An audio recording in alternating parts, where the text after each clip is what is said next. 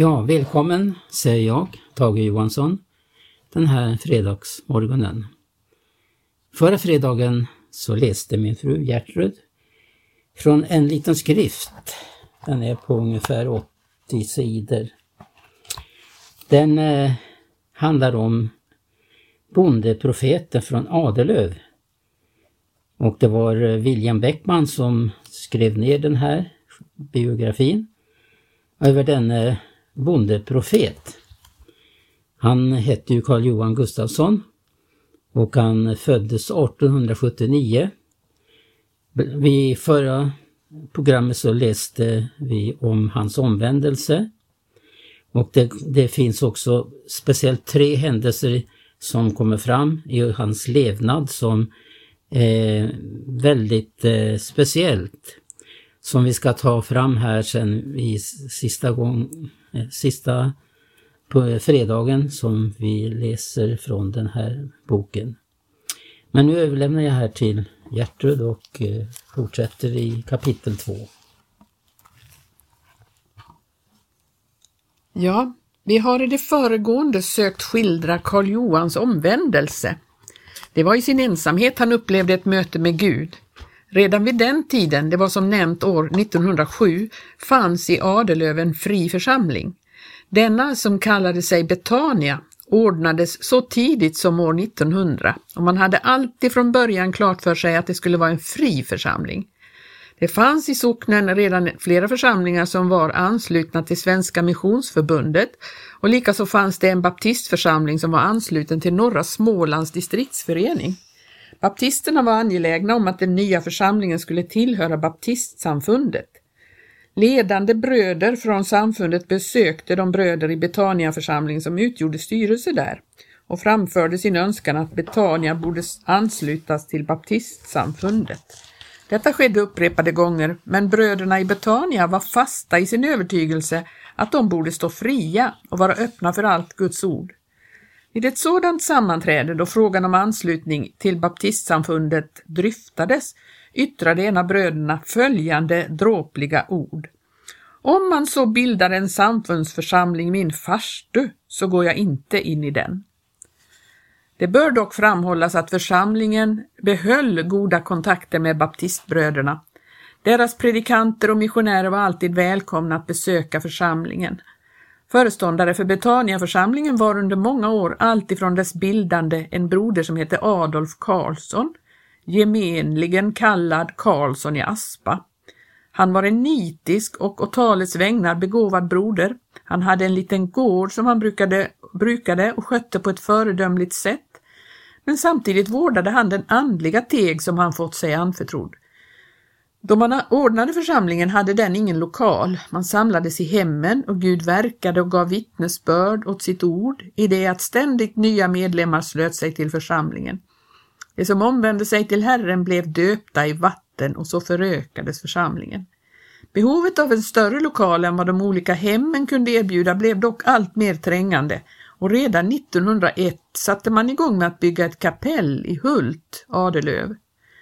Det var en efter tidens förhållanden fin lokal, framförallt rymlig, och den byggdes med en väldig fart och under stor hänförelse.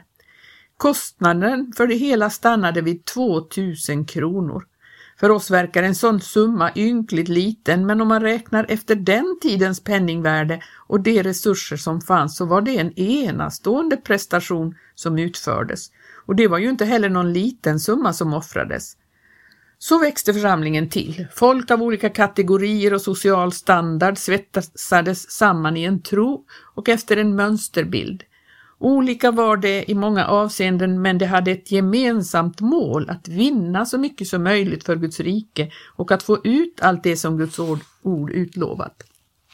Hos Karl Johan växte undan för undan fram en djup längtan efter mer av Gud och han kände sig mer och mer dragen till och hemma med de vänner som tillhörde Betania-församlingen. Allt eftersom tiden gick kände han också ett stort behov av mera kraft till seger och större frimodighet att tjäna Gud och hans tro fick stimulans i umgänget med de trosfriska medlemmarna i Betania. Efter en tid, det var i juli 1909, blev han och hans hustru döpta till Kristus och förenade med Betania-församlingen. Dopet skedde ute i en sjö och Karl Johan kände sig mycket salig över att få ta detta steg i lydnad för ordet. Han förnam nu himmelen öppen över sitt liv. Kapitel 3 Då den nya rörelsen som pingstväckelsen kallades den första tiden kom till bygden var jordmånen beredd i Betania församlingen. De nyandedöpta vittnen från Ångmans bibelskola som kom tända av nitälskans glöd vittnade om Jesus som frälsare och som den som döper i ande och eld. Nu tändes väckelsens heta låga i hjärtarna och bönerna blev allt ivrigare bland Guds folk. Herre, tänd din eld också i våra hjärtan och liv. Ett par av de första pingstevangelisterna som kom till Betania var Fredrik Wern och Karl Widmark. De längtande själarna formligen drack in det underbara budskap som dessa bröder hade att frambära. Ryktena hade gått före dem och naturligtvis kom det massor av nyfikna till mötena. Här möttes dessa av ett levande budskap om Jesus och vad han förmår att göra, och många nyfikna blev förvandlade till lärjungar. Fredrik Wern var liksom aposteln Petrus den ivrige människofiskaren. Om någon förkroppsligat maningen ”köp tiden” så var det han. Han gick de långa vägarna mellan mötesplatserna till fots i snömodd och köld, klädd i tunna kläder. Ingenting fick hindra honom. Konungens ärende hastade och själarna måste räddas och skörden bärgas undan ovädret. Hade han kanske en känsla av att hans arbetsdag inte skulle bli så lång? Han gick ju också bort redan i unga år, men säkerligen skall hans lön en gång bli mycket stor. Han fick bärga många kärvar för sin herres lada. Vidmark var den saktmodige och vise läraren. Säkerligen brann hans hjärta lika varmt men han hade ett helt annat temperament. Hur som helst, dessa båda utgjorde ett team som fick vara till underbar välsignelse. Vilket liv och vilken hänförelse var det inte i mötena. Och då Emil i Nannarp med fiolen och andra med sina gitarrer och sittror stämde upp och sjöng de gamla läsarsångerna, då kunde den mest försoffade inte gärna förbli likgiltig. Bland de evangelister som tidigt upplevde dopet i den helige ande var en av Betaniaförsamlingens egna medlemmar, numera missionär Elna Eriksson. Redan 1908 upplevde hon ett mäktigt dop i anden och fick samtidigt kallelsen att gå ut som ett Herrens vittne. Hon sökte inträde vid Ångmans bibelskola i Örebro. Då hennes ansökan skulle behandlas där var det någon som menade att eftersom Betaniaförsamlingen inte tillhörde baptistsamfundet kunde man väl sätta i fråga om hon borde antas som evangelist. Pastor Ångman svarade emellertid att då Betaniaförsamlingen bestod av uteslutande troende och döpta personer så var den församlingen lika biblisk som någon baptistförsamling. Inget förelåg alltså som borde hindra hennes inträde. Från Guds sida var allt klart och det var ju det viktigaste. Syster Eriksson kom ut på fältet och överallt i de församlingar där hon verkade kom människor i skaror och sökte frälsning. Första året var hon tillsammans med en annan evangelist. De upplevde väckelse på två platser nästan samtidigt och fick lov att skiljas åt för att kunna ta hand om båda platserna. O, vilka tider av väckelse över bygderna det var, då Guds ande så mäktigt uppenbarade sin kraft. Kapitel 4 den nya rörelsen som nu alltmer vann terräng blev mycket olika uppfattad och bedömd. Det blev i sanning mycket buller om den vägen. Diskussionens vågor gick höga bland såväl troende som icke-troende.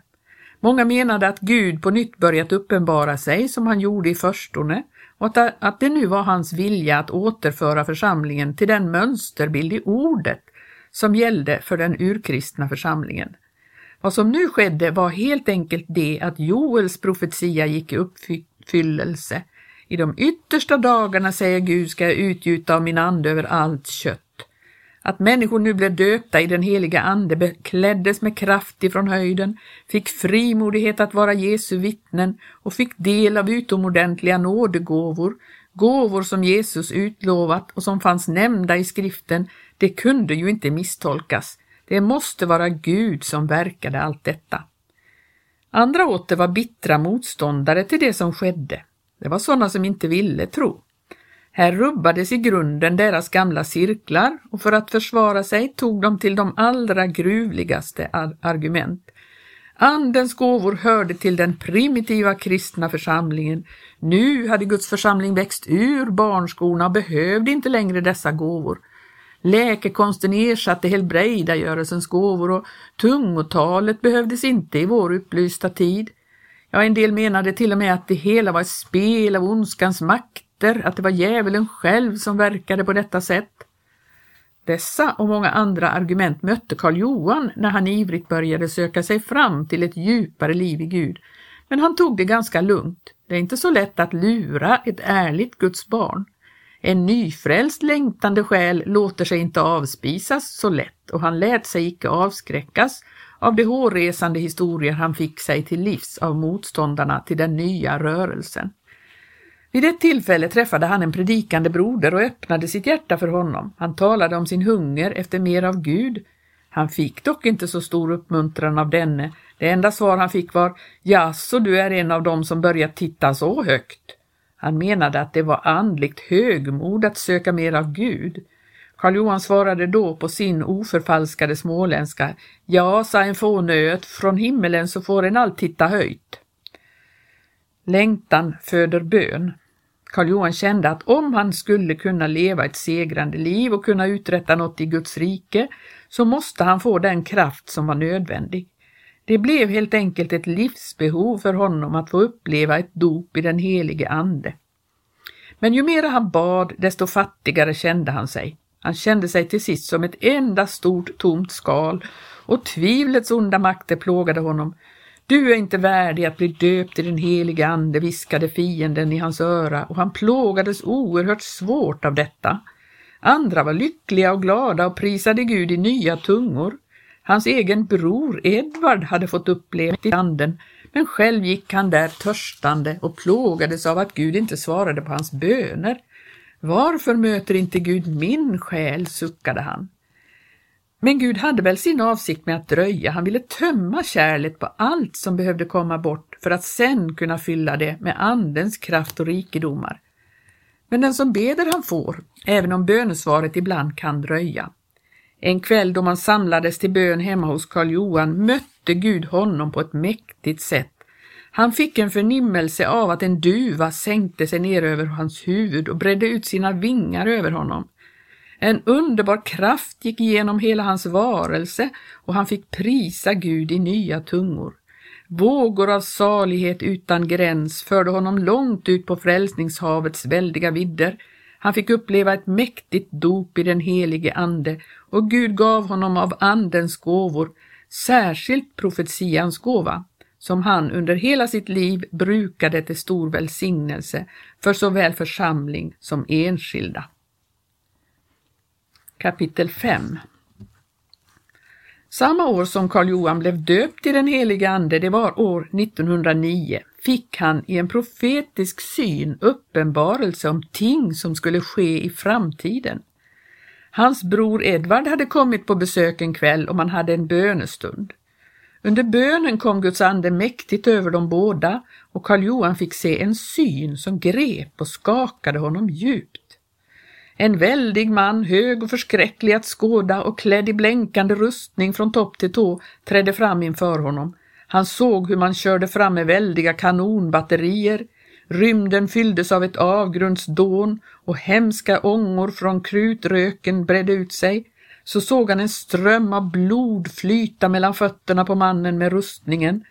På den mörka skyn över mannen såg han årtalet 1914 skrivet med glänsande siffror. Samtidigt med att han hade denna syn fick han frambära ett budskap i tungor. Brodern fick uttydningen och den var Krig och örlig ska komma över jorden. En nöd utan like ska drabba jordens inbyggare. Hunger, skräck och farsoter ska plåga människorna. Jag har talat, säger Herren. Skakade i sitt innersta fortsatte Karl Johan och hans bror att bedja. Bedja om Guds förbarmande över mänskligheten som skulle gå sådana tider till mötes. Då mobiliseringsorden kom på sommaren 1914 påminde Karl Johan sig den syn som han sett hösten 1909. När kyrkklockorna ömsom klämtade, ömsom ringde ut kallelsen till Sveriges män, det var den tidens mobiliseringsorder, då spred sig en dyster stämning över hela vårt land. Nere på kontinenten dånade kanonerna, undervattensbåtarna sänkte mängder av fartyg ute på haven, massor av soldater fick ge sina liv på krigsskådeplatserna och här hemma fruktade man invasion av de stridande. Landets vapenförmän sändes iväg, knapphändigt utrustade för att försvara våra gränser. I sin förunderliga nåd skonade Gud oss från krigets fasor men knappheten och nöden lät inte vänta på sig. Det uppstod brist på så gott som allting och i månget hem grinade nöden och fattigdomen. Ju längre kriget fortsatte, desto svårare och hårdare blev förhållandena. Man började visserligen ransonera varor av alla slag och det delades ut ransoneringskort, men ofta var det undermåliga varor man hade att tillhandahålla i butikerna. Ibland fanns ingenting alls att köpa. Undra på att människor blev sjuka och undernärda. Äntligen tog kriget slut, men i dess spår kom farsoten och pesten. Tusentals människor i sina bästa år föll offer för spanska sjukan. Överallt var det nöd och klagan. Det vilade som ett sorgdok över hela världen kan man säga. Denna oerhörda nödtid hade Herren varnat för genom sin ringe tjänare, en nödens, tuktans och smälekens tid för det släkte som levde då. Sannerligen, Herren gör alls intet utan att ha uppenbarat det för sina tjänare, profeterna. Men det var inte endast de yttre förhållandena, de materiella, som hade tagit fruktansvärd skada under detta krig. Det rådde en ande från avgrunden som verkade förgiftande på människornas sinnen. Sådant som man inte förr hade sett, i varje fall inte i någon större skala, kom nu till synes. En sådan företeelse var svarta börsjobberiet. Det betydde att den som hade pengar kunde få allt han önskade, men å andra sidan blev det ändå knappare för den fattige. Kort sagt, hederligheten hade under kriget fått ett grundskott, ett sår som sedan aldrig läkts. Ingenting kan dock hindra Guds verk. Varken krig, hunger eller pest kan sätta en spärr för den helige Andes makt och inflytande. Kanske var det kriget och nöden som också fick bli till välsignelse för många. Man vaknade upp över hur förgängligt detta livet ändå är och hur kort dess glädje varar. Åren 1917 till 1919 var för vårt land en tid av verkligt uppvaknande. En hel värld låg i spillror, en hel generation hade dränkts i blod och miljoner människor hade stupat där ute på slagfältet. Det betydde krossade hem och faderlösa barn. Tusenden hade förlorat allt och detta blev för många till varning. Man började söka Gud. Till Betania-församlingen i Adelöv kom ett par unga missionärer. De hade förberett sig för Kina, men vägarna var ännu stängda och nu gick de in i arbetet på hemfältet tills vidare. Det var missionärsparet Elna och Rickard Eriksson och de fick vara Guds redskap till väckelse medan de väntade på möjligheten att resa ut till missionsfältet. Vidare var det en annan evangelistbroder, Manfred Johansson, en glödande pingstvän som svängde andens svärd med krimodighet. Stora skaror av syndare och fromma kom till mötena och många blev förda från mörker till Guds underbara ljus. Karl Johan deltog flitigt i dessa möten och Gud använde honom till rik välsignelse.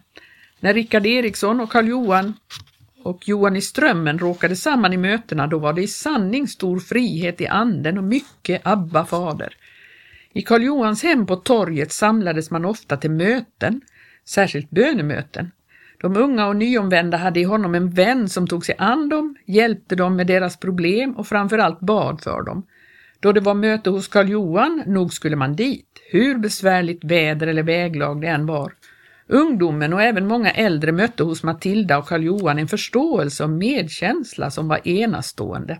Hemmet var visserligen ringa och fattigt och de hade nio barn, men detta hindrade inte att de gång på gång bjöd folk till sitt hem för att lyssna till evangelium och bli frälsta, styrkta och uppbyggda.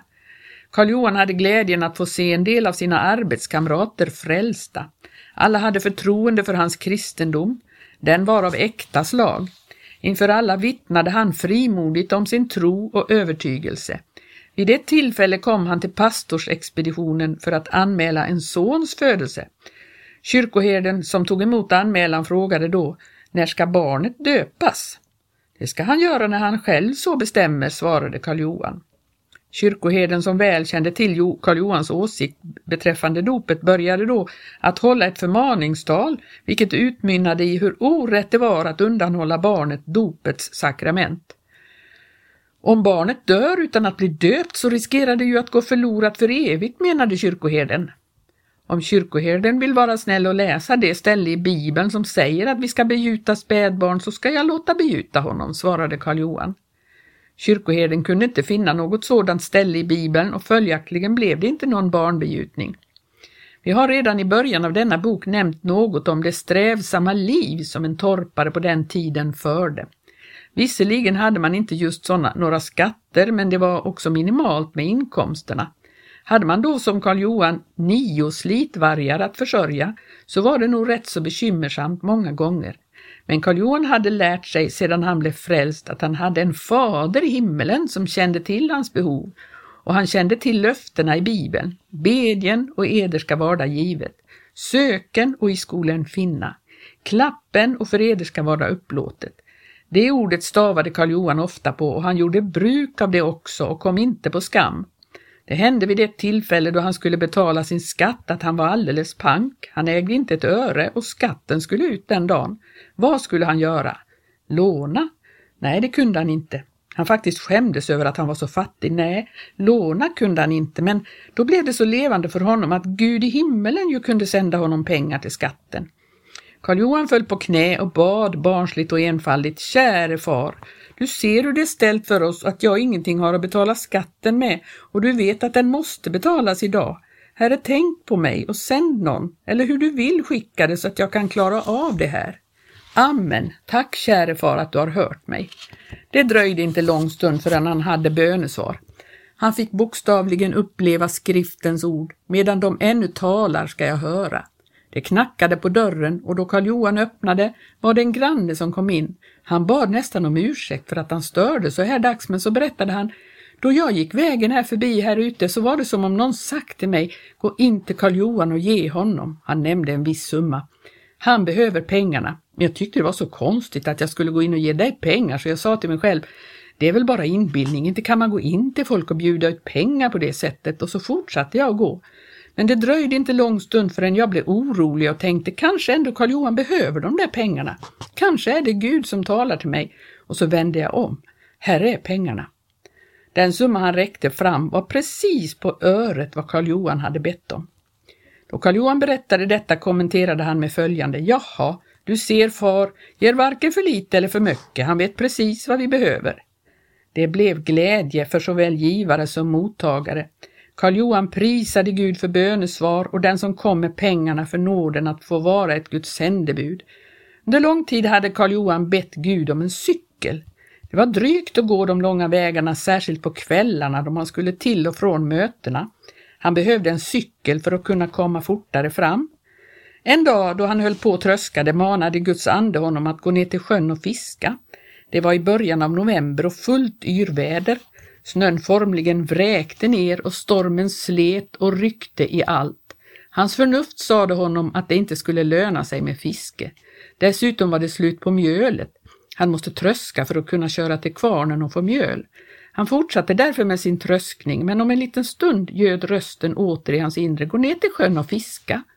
Nu förstod han att det var allvar, att Gud manade honom. Han ropade därför till sin pojke som körde oxarna för tröskverket att stanna och sätta in oxarna. Själv gick han in i stugan och hämtade sina fiskedon. Var ska du gå? frågade hans hustru. Jag ska ner till sjön och fiska, svarade han. Men då brast tålamodet för hans snälla hustru. Hon menade att det vore väl bättre att hålla på med nyttigt arbete än att gå ut och fiska, vilket ju för övrigt var meningslöst och det var ett sånt väder. Karl Johan svarade, Far har sagt till mig att jag ska gå och då får han själv ta risken. Då han kom ner till sjön var vädret om möjligt ännu sämre. Med nöd och näppe fick han ut ekan och kunde ro ut ett stycke från land. Så kastade han ut sitt drag. Det hade inte mer än kommit i vattnet förrän den första gäddan högg. Nästa kast och kroken fastnade precis mitt på gäddan och han kunde hala in denna underliga fångst. Det hade aldrig förr hänt honom att han fångat fisk på det sättet. Dessa två första följdes av flera och då han kom hem till middagen hade han en hel säck full av fisk. Han åt sin middag, men då han var på väg tillbaks till sitt arbete hörde han samma röst som talat till honom förut. Gå ner till sjön och fiska. Denna gång lydde han utan invändningar och kom i kvällningen hem med så mycket fisk som han orkade bära.